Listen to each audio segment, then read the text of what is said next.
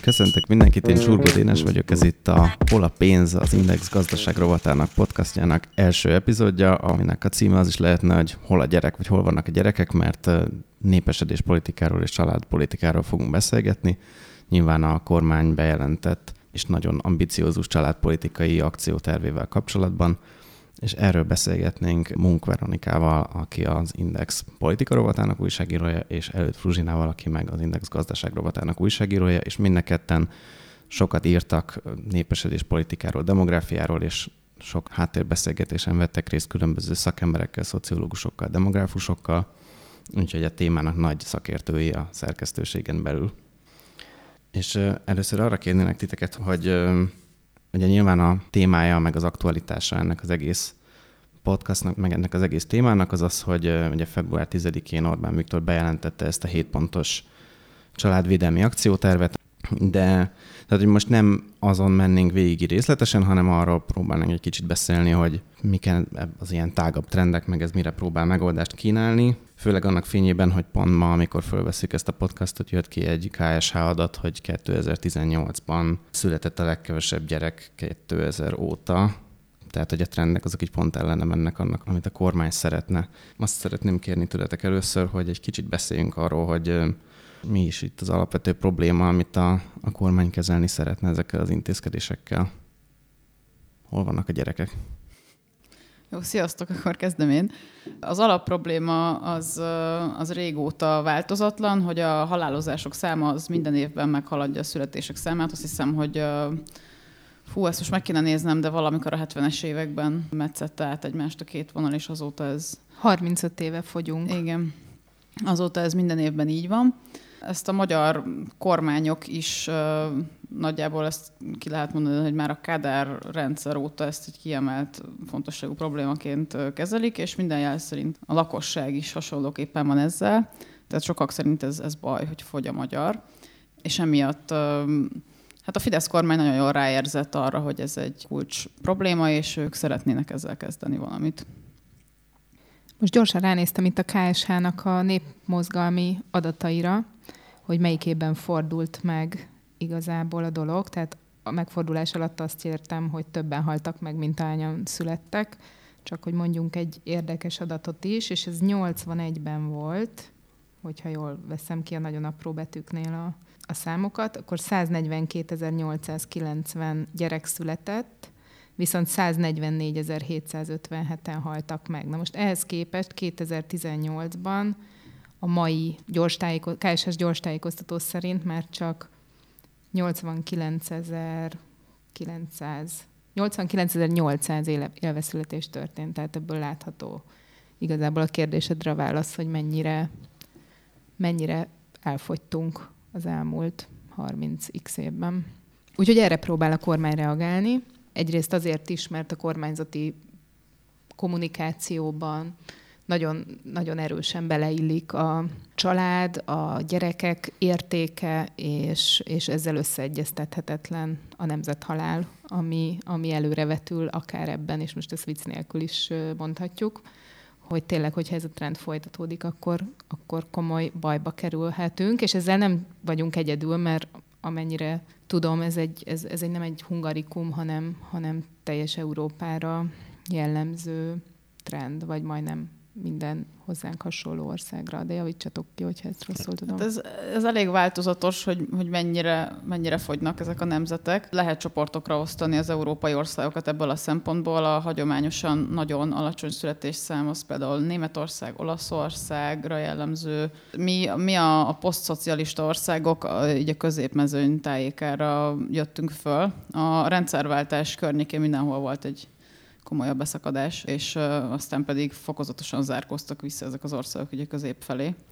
És ahol viszont nagyon jók a számok, az Svédország, tehát az északi államok többsége, és Franciaország is. De a legfrissebb demográfiai tükör nemzetközi kitekintése szerint a mi régiónk, tehát ez a közép-kelet-európai régió országai elég hasonlatosak ebben a trendben, tehát ott is többen halnak meg, mint ányan születnek. Igen, de egyébként mindenhol, tehát azért azt nem lehet mondani, hogy bárhol is önfenntartó lenne a népesség, csak nem mindegy, hogy mennyire nem az. Akkor önfenntartó, hogyha 2,1 gyerek születik egy családban. Nálunk most 1,5 születik. Igen, de ha jól tudom, ez, ez valamennyivel nőtt az elmúlt években. Ez minek tudható be? Ez már valamiféle eredmény, vagy ez, ez így hullámzik, és néha 1,3, néha 1,5, vagy ez, vagy ez valami jónak a kezdete ebből a szempontból? Ezt nagyon nehéz megmondani, mert van egy természetes hullámzás is, és emiatt a demográfusok is nehezen mérik ezt, hogy pontosan minek a következtében van nagyobb szülési kedv de akikkel mi beszéltünk, ott volt egy ilyen megállapítás elhangzott, hogy valószínűsíthetően a 2014 körüli népesedés politikai intézkedéseknek még volt jól látható hatása. Itt a családi adó kedvezmény bevezetéséről van szó elsősorban. A, meg a gyedextra. Meg a gyedextra, így van. Igen, és a csok környékén 2016-ban amikor annak kellett volna átvennie a, a további, a görbe további fölfelé íveltetésének a szerepét, az már úgy látszik, hogy az nem sikerült, tehát ott, ott, ott, ott egy stagnálás következett be, és tehát két éven keresztül nem nőtt tovább, és úgy lett 1,49, úgy állt meg 1,49-en. Átlagemberként egyébként kicsit nehéz szerintem ezt így megérteni, úgyhogy ezzel érdemes elidőzni, hogy ugye az van, hogy csökken a gyerekszám, viszont a termékenységi ráta az növekszik, amir, amit Igen, ezt most akartam te is pont kérdezni, hogy, hogy ez hogy milyen összefüggésben van az, hogy most már 90 ezernél kevesebb gyerek született, és ehhez képest meg így nő ez a teljes termékenységi arányszám, vagy hogy hívják ezt ilyen szakkifejezéssel? Úgy fordulhat elő az a sajátos helyzet, hogy a, a termékenység növekedése ellenére egyre kevesebb a kisbaba, hogy az a korcsoport, aki tud szülni, nekik a lélekszámuk folyamatosan csökken. És ennek a hátterében az áll, hogy a Ratkó volt egy elég jelentős kiugrás a, a korfának nevezett uh, ilyen demográfiai ábrán, ami a, a népességet ábrázolja korcsoportok szerint ami azt jelenti, hogy ők, nagy, hogy ők, ők, ők sokkal többen vannak, mint az előttük és az utánuk lövő generáció, ez az 50-es években születetteket jelenti. Ők kb. a mostani kor fiatal nagyszülői, és az ő gyerekeik, az ő lányaik, a mostani ilyen 30-as, 40-es nők, ők mostanában kezdenek kifele menni a termékeny korukból. Az utána a következő generáció, az megint egy szűkösebb lélekszámú generáció, mert az ő, az ő szüleik már kevesebben voltak, mint a ratkó nagyszülők. Így aztán hiába szülnek nagyobb kedvel mondjuk a mostani 30 éves körüli emberek, mint, a, mint amennyire nagy kedvel szültek a 40 körüli nők, ez kevesebb gyereket eredményez így végső soron. Mert kevesebb szülőképes Igen. korú nő van. És hogyha ezt figyelembe veszük, akkor, akkor az, a, az az ilyen már emlegetett 2,1-es ilyen termékenységi ráta, hogy az azt, hogyha egyáltalán elérjük, az, az, az így változtat valamit, vagy Hát a háttérbeszélgetéseink alapján kimondható, hogy ez egy teljesen irreális elképzelés, és beláthatatlan az, hogy a közeli jövőben, vagy akár a távolabbi jövőben is bekövetkezzen. Uh-huh nem csak nálunk, hanem, hanem régiószerte ez, ez, ez kimondható. Hát meg világ, világszinten is nagyjából, hát a demográfiát... Hát valószínűleg Afrikában azért van. Hát igen, mert ott még nem zajlott le ez a fajta demográfiai átmenet, de azért a fejlett világban 2,1 vagy a fölötti termékenységi ráta az így nem nagyon fordul elő, tehát viszonylag irreálisnak tűnik ez ilyen nemzetközi példák tükrében is. Úgyhogy talán nem is biztos, hogy, hogy érdemes sok szót vesztegetni rá, de valószínűleg az így hosszú távon stabilizálná valóban a népességet, bár egy alacsonyabb szinten, viszont nem valószínű, hogy megtörténik. Tehát ugye van ez az egyfelől az erős kormányzati törekvés arra, hogy több kisbaba szülessen, de mondjuk ezt nem egészíti ki az, hogy kevesebb ember halljon meg. Uh-huh. Nagyon, egyszerű, nagyon leegyszerűsítve, ez így, így szerintem könnyebben érthető, hogy addig folyamatosan csökkenni fog ez a rát, vagy a, a születések száma, amíg csak az egyik oldalról hmm. zajlik az ösztönzés. Mondjuk ugye arra, hogy ne halljunk meg, arra is az ösztönzés szót használni, lehet, hogy nem annyira jó, de, de... Erre majd még térjünk vissza, mert ez egy nagyon érdekes kérdés, viszont most, hogy megemlítettük ezt az ilyen, vagy emlegettük ezeket a mindenféle arányszámokat, a, a kormánynak van valami ilyen hivatalos célja, hogy mi, mi a cél, amit, amit el akarnak érni, vagy csak ez az ilyen 2,1, hogy... Hát a kommunikált cél az, hogy szülessen minél több magyar kisbaba.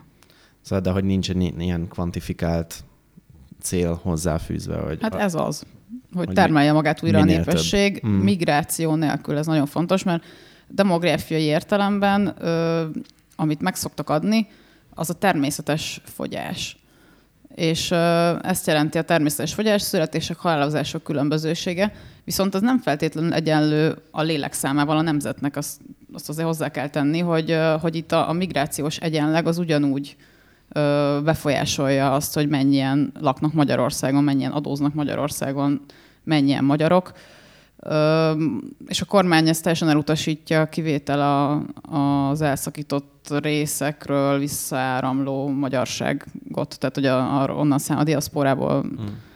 számítanak bevándorlókra, de máshonnan nem. Úgyhogy, és ez egy új jelemnek tekinthető, mert ugye az, hogy a Fidesz családpolitikája rendkívül erős, az, az nem tekinthető egy új jelemnek, viszont ez, a, ez, az, ez az első olyan csomag, ahol vállaltan és kimondottan a miniszterelnök elmondta azt, hogy migráció, migrá- migránsok nélkül képzeli el a népesség kiegyenlítődését, vagy ezt a, ezt a fogyásnak a megállítását.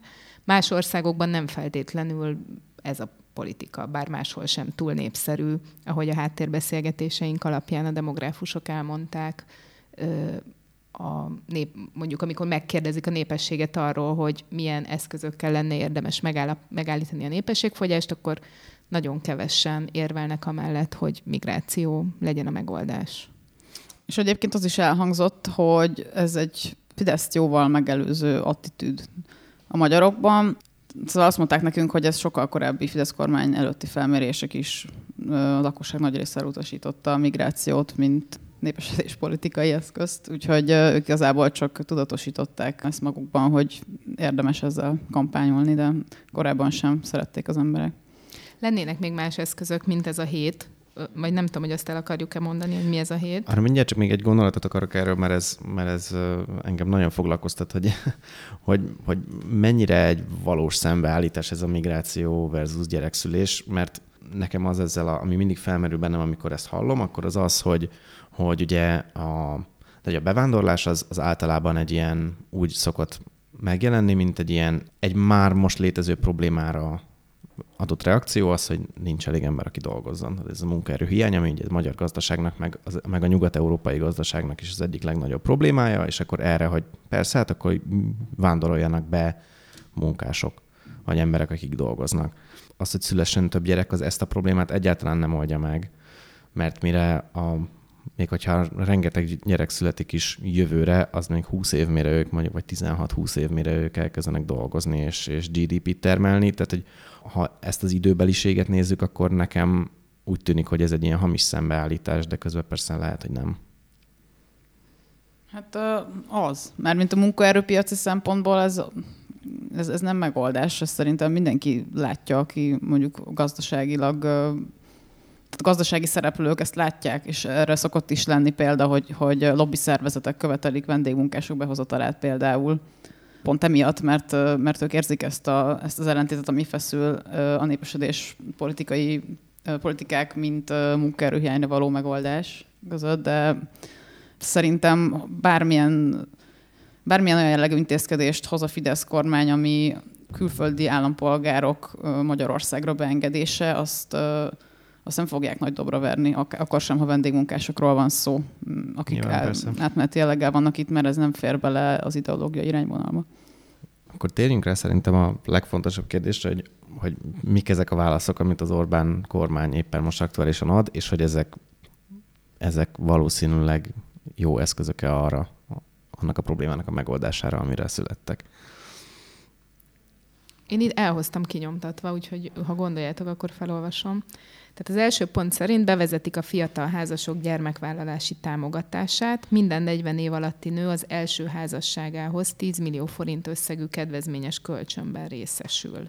Minden gyereknél felfüggesztik a törlesztést három évre, három gyerek után pedig elengedik a fennálló tartozást. A kölcsönt legalább három éves munkaviszonyhoz kötik, ez egy fontos kitétel, ha bár még ezt nem részletezték eddig. Ja, még a részletszabályok nincsenek meg.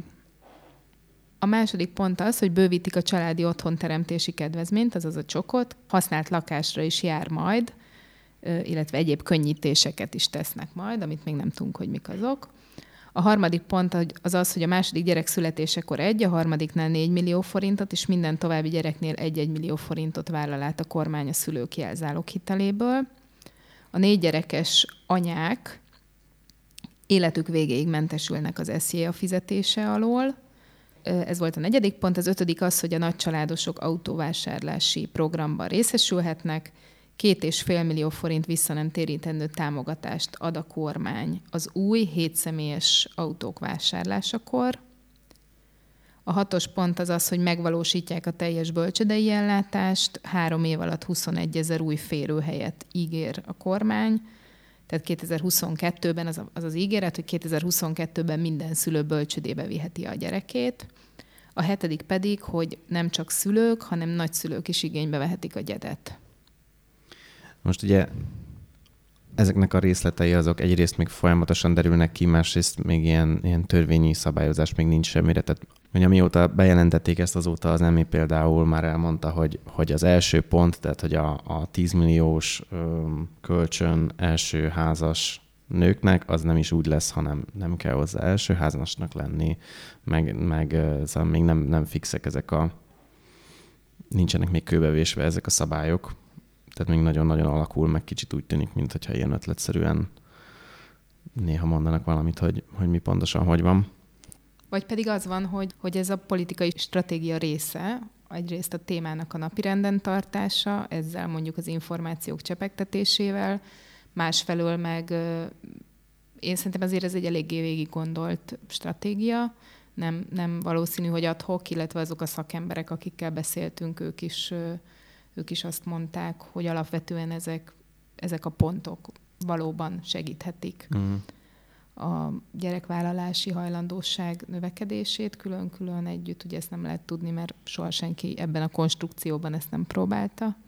De az, hogy ez, ez így egy, egy választás előtt állunk, tehát hogy ez így folyamatosan érkeznek a hírek, és folyamatosan beszélünk róla, uh-huh. az nem véletlen.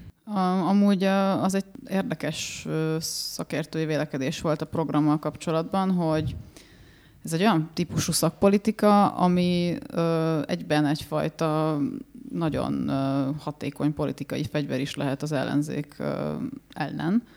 És ez is azt támasztja inkább alá, hogy ez egy elég, eléggé utolsó pontig jól átgondolt intézkedéscsomag.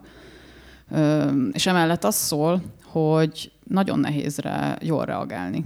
Tehát az ellenzék részéről nehéz belekötni, mert úgy lőtték be az intézkedéseket, hogy nincsenek benne olyan durva szélsőségek például, amire bárki azt mondhatná, hogy na hát ez aztán igazán borzalmas, tehát mondjuk nincs abortusz szigorítás, vagy valami ilyen hasonló ilyen durvaság, amit fel lehetne kapni.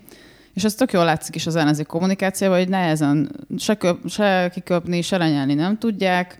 Van ez az ilyen szülőtehenet akarnak csinálni a nőkből típusú válasz, de ez is kicsit felemásan sülhet el egy, egy, egy nőnek, aki alapból is szeretne gyereket, ugye a legtöbben azért szeretnének, és akkor ő igazából nem fog elugrani a pénz elől, hogyha így adnak neki, és akkor, akkor őt leszülőtehenezi mondjuk a DK, vagy tehát, hogy, hogy igazából nem, nem lehet jól reagálni rá. És erre, erre mondták egy háttérbeszélgetésen azt, hogy, hogy nagyon érdekes ez, hogy, hogy egy olyan szakpolitika, ami, ami egyben egy politikai fegyver is lehet, amit nagyon jól ki lehet majd húzni egészen a választásokig, és nagyon jó kampányt is lehet majd rá építeni a választásokkor. És mint szakpolitika, ez mennyire, mennyire lehet egy jó, jó megoldás, mint mondanak erről a szakemberek? Ugye hallani inkább mondjuk ilyen kritikus hangokat lehetett hallani a szakértőktől a médiában, de hogy, de hogy ha jól tudom, ti beszélgetetek olyanokkal, vagy ahogy Vera már említette, akik szerint ezek, ezek működőképes stratégiák lehetnek, de egy általánosságban, tehát ez, hogy nagyon sok pénzt ráöntünk azokra, akik elgondolkodtak a gyerek szülésen, ez mennyire, mennyire működik. Hát lehet, hogy érdemes az kritikákat nagyon vázlatosan összefoglalni. Az egyik fajta kritika, ami megfogalmazódott most így a nyilvános térben, az az, hogy kirekesztő ez a csomag, mert meghatározott társadalmi csoportot céloz, a középosztályt, vagy a tehetős középosztályt, és mindenki mást kizár. Ugye itt, ahogy felolvastam a hét pontot, utaltam arra, hogy munkaviszonyhoz kötik például a, az alkalmasságot, Ez önmagában nagyon nagy rétegeket kizár, például a hazai cigányságot kizárja, ez is egy, más, ez egy másik kritika szokott lenni, vagy volt így az utóbbi időben a nyilvános térben, hogy effektíve az volt a cél, hogy ne a cigányok szüljenek, most nagyon leegyszerűsítve mondom. További kritika szokott lenni, hogy nemzetközi összehasonlításban is, például az OECD országokat szokták mondani, hogy még az OECD országokhoz képest is sokkal-sokkal több pénzt költünk erre a dologra, ami ha bár bizonyos szakemberek szerint hatásos lesz, tehát valóban nőhet tőle a gyermekvállalási kedv, de egyáltalán nem olyan gyorsan, és egyáltalán nem olyan drámai mértékben, mint ahogy azt ígéri vagy sugalmazza a kormány. Innentől kezdve egy picit ilyen bizonytalan kockázatos dologra költünk el irgalmatlan, de tényleg irgalmatlan sok pénzt.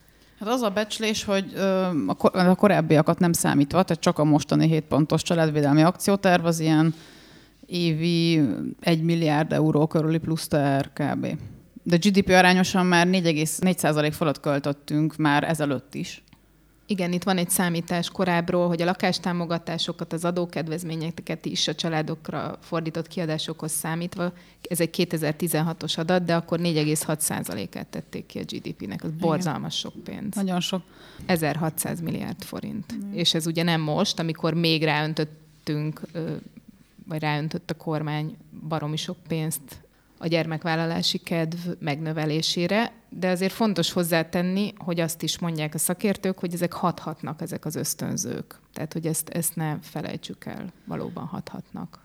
Igen, viszont szerintem a kritikák pro és kontra érveknél azt, azt érdemes elkülöníteni, hogy itt azért különböző szakmai nézőpontok csapnak össze, tehát érdemes a szociálpolitikát elkülöníteni a családpolitikától, ami a gyakorlatban egy kicsit nehéz, mert átfedő szegmensek vannak, de az a dolog, amit a szociálpolitikusok inkább kicsit szidni szoktak, az egyébként demográfia szempontjából akár működhet, és az a jelen program is ilyen, hogy egy középosztályra célzott program, ami, ami nyilván csípi a szemét a szociálpolitikusoknak érthető okokból, mert hogy mert nagyon, nagyon szűr, ugyanakkor az a prognózis, amit mi hallottunk háttérbeszélgetésen, abban elhangzott, hogy ha a részletszabályokkal nem nyírbálják meg nagyon a hozzáférési kört, ott akár, akar akár 2020 környékére ilyen 1,6 és 1,7 közé felviheti a termékenységi rátát. Ez még nagyon korai, tehát hogy ezt nem kell azért ilyen köbevésve gondolni, de, de hogy, hogy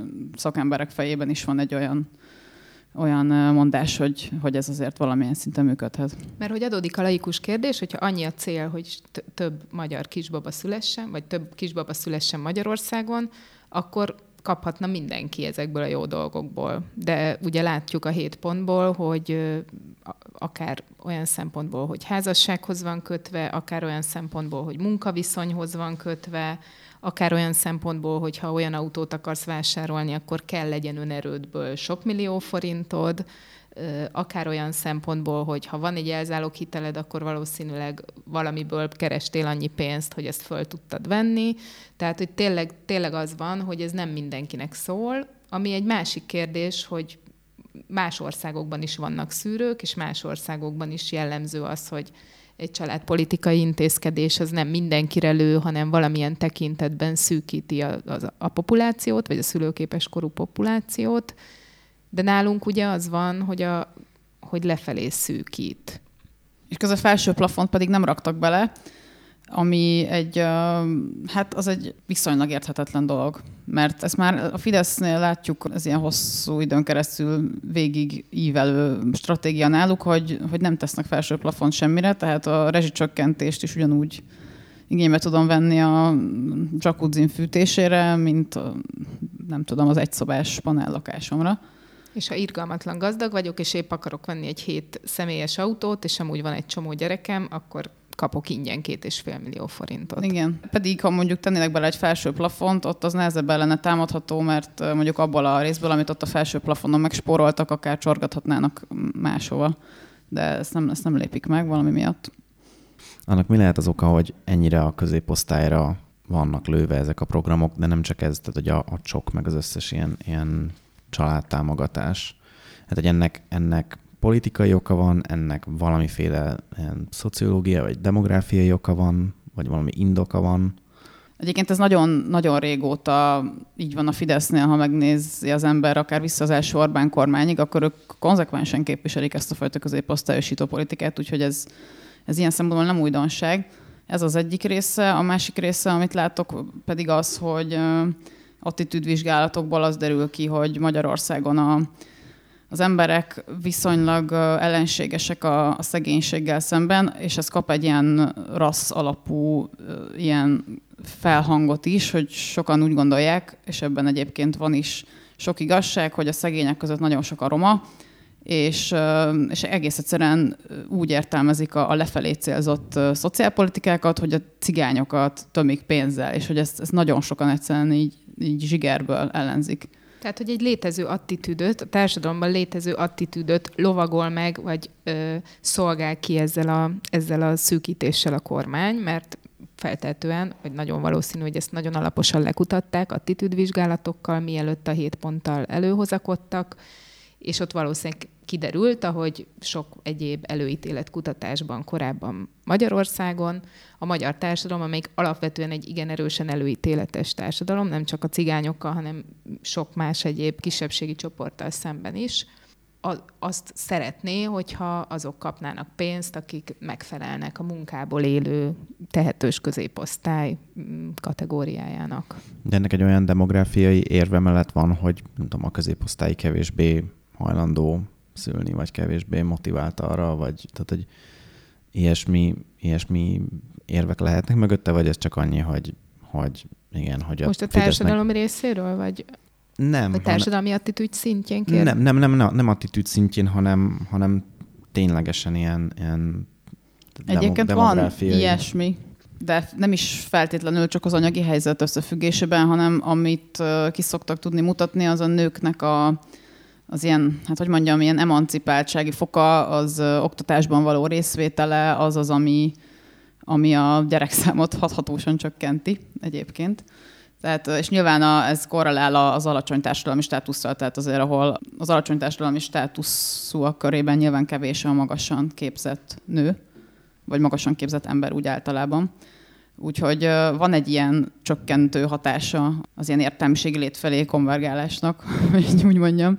De egyébként viszont attól fölfele meg megint magasabb a három gyerekesek arány. Tehát azt nem lehet mondani, hogy a jó mód magában a gyerekszámot feltétlenül lecsökkenti, de azt hiszem, hogy van egy ilyen hullámvonal így a termékenységben, hogy a, hogy a lent lévő rétegeknél viszonylag magasabb, utána kicsit visszamegy, és akik nagyon gazdagokat megint gyakorja a három gyerek.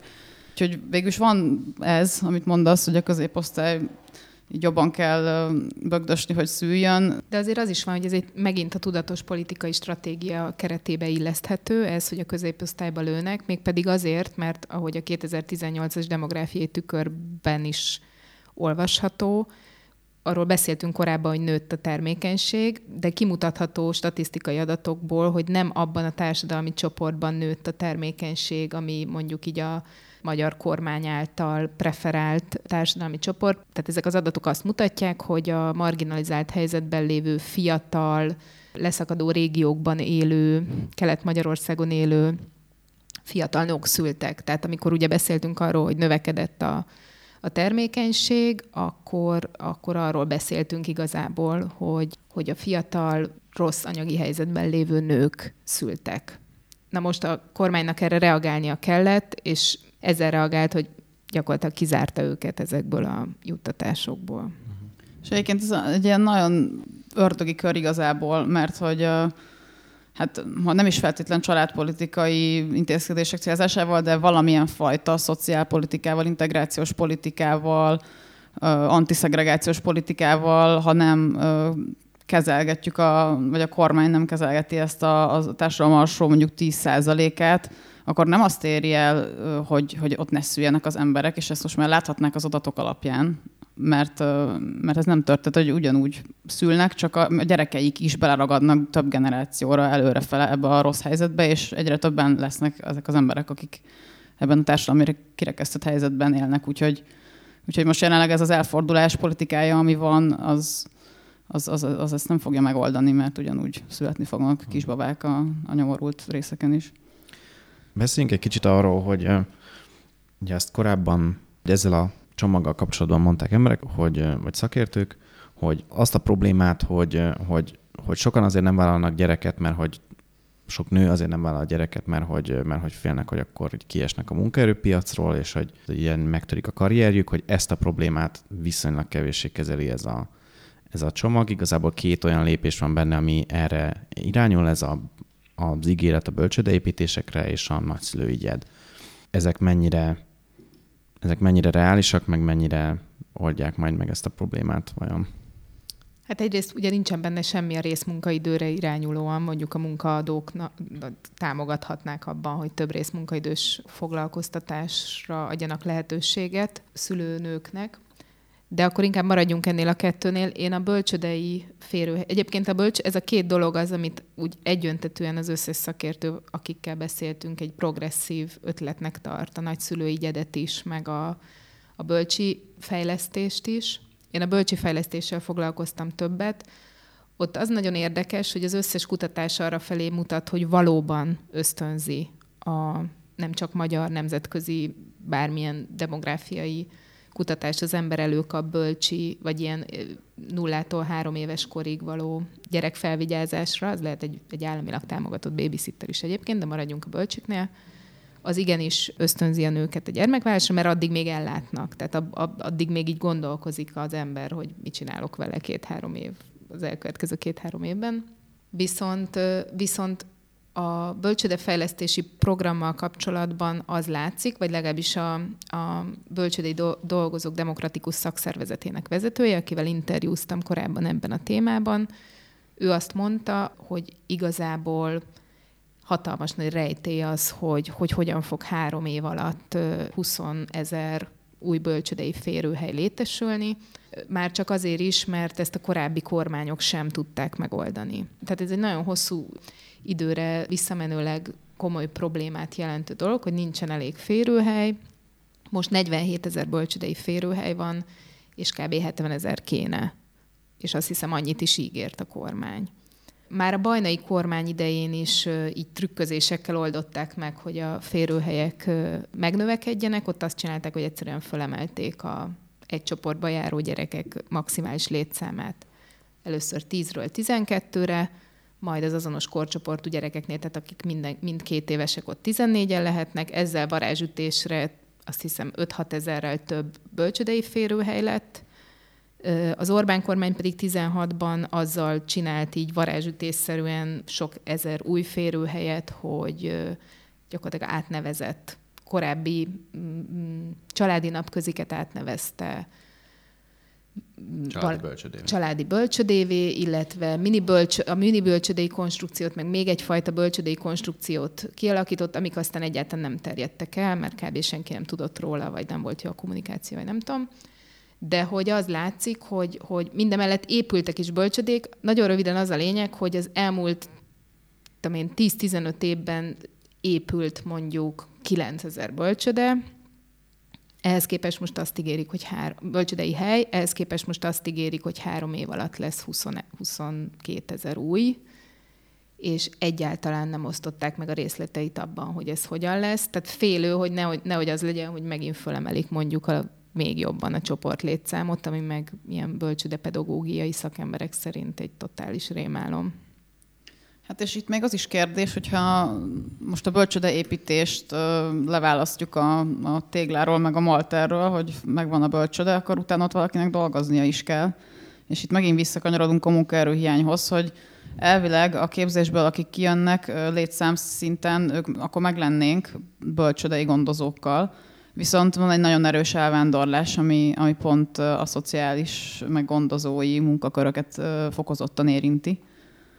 Ha nem is végleges ez az elvándorlás, de minden esetre sokan mennek ki Nyugat-Európába legalább néhány évre, kipróbálni magukat meg felhalmozni egy kis tőkét a pályakezdő fizetés nettó Igen. 110 ezer forint, úgyhogy ez talán nem is csoda. Igen, úgyhogy ez még egy kihívás lesz a kormány előtt, hogyha meg is lesznek azok a férőhelyek, azért akkor kif- tehát, hogy vala, valahonnan szerezni bölcsödei gondozókat a csoportlétszámok radikális felemelése nélkül. Mert a szakemberek azt mondják, hogy bölcsit építeni az így oké, okay, mert hogy EU-s pályázatok erre rendelkezésre állnak. Most is van éppen egy nyitott EU-s pályázat, felépülhet a, az épület, de aztán a fenntartása baromi költséges, amit mondjuk egy önkormányzatnak kell valahogy kigazdálkodnia, vagy megoldania. Továbbá van ez a gondozói probléma, amit a Fruzsi mondott, nem lehet tudni, hogy ezzel mi lesz, és igazából ez az egyetlen ígéret, amiben igazából elszámoltatható lesz a kormány, mert itt látszanak nagyon nyilván, nyilvános, nyilvánvaló adatok, hogy ez hogy alakult. Itt van egyedül megadva egy célszám, ha megnézed a pontokat. Igen, úgyhogy itt, itt lehet majd szembesíteni, hogy mennyire sikerült ezt elérni. De még, még hallottunk egy, egy tippet arra, hogy hogyan fognak még valószínűleg trükközni ezzel a kis településeken mégpedig, hogy belekerült egy olyan kitétel a jogszabályba, hogy az önkormányzatok köthetnek más önkormányzatokkal szerződést arra nézve, hogy, hogy az ő hozzájuk tartozó bölcsödei férőhelyeket egy nagyobb város biztosítsa. Tehát mondjuk, hogyha 20-30 kilométeres vonzás közöttben van egy nagyobb város, ahol éppen lenne hely, akkor a kis település önkormányzata megkötheti ezt a fenntartási szerződést, és akkor papíron megvan a bölcsödei hely, ami a faluhoz tartozik, ellenben lehet, hogy 20-30 kilométerrel arrébb kéne hordani a kisgyerekeket minden nap. Úgyhogy ez akkor az ott valószínűleg csak egy papíron létező opció lesz, amit kevesen használnak ki. És mondjuk ilyen ígéret már volt, mert valamikor tav- két tavaly vagy tavaly előtt egyszer már bemondta a családügyi államtitkár, hogy 60 ezer bölcsödei férőhely lesz azt hiszem idénre, vagy tavalyra, vagy, vagy nem tudom, ilyen nagyon rövid lefutási idővel, ami egyáltalán nem valósult meg, tehát hogy így tényleg nem látszik, hogy ez, ez az egyetlen konkrét ígéret, ez hogy fog megvalósulni. Beszéljünk még arról, tényleg már csak nagyon röviden, amiről már, már egy kicsit pedzegettük, hogy, a, hogy ennek az egész demográfiai kérdésnek van egy másik oldala, a születés ellentétben a halál, amivel, amit, amit viszont nyilván ez a, ez a terv ez nem kezel, mert ez kifejezetten egy a család, családügyi, meg, meg gyerekcsinálási ügyi dolgokra megy rá, de hogy, de hogy erről beszéljünk még egy szót, hogy, hogy itt mit lehetne tenni, vagy ez, ez, ez a része, hogy épül be a... Hát, hogy nem halunk meg annyian például.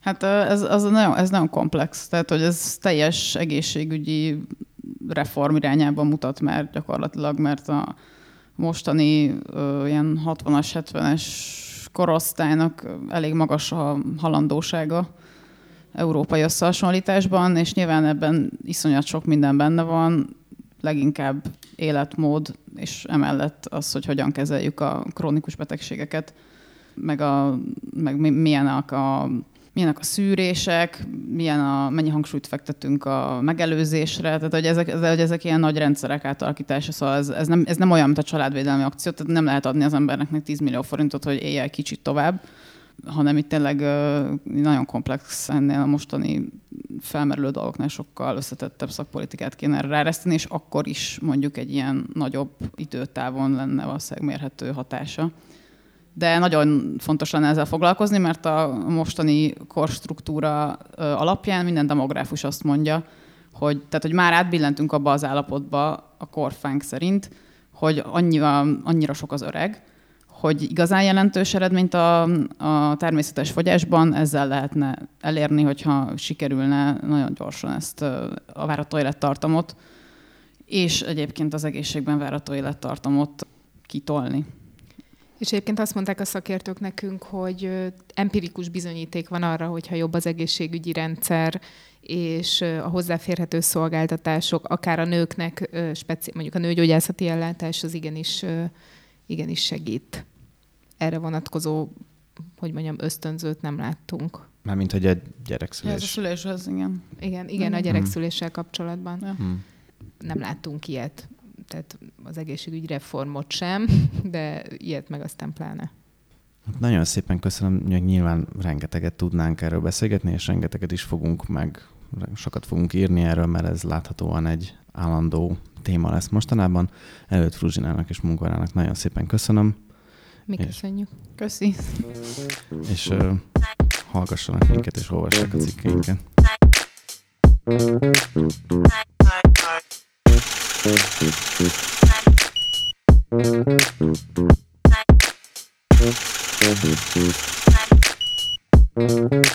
Bye.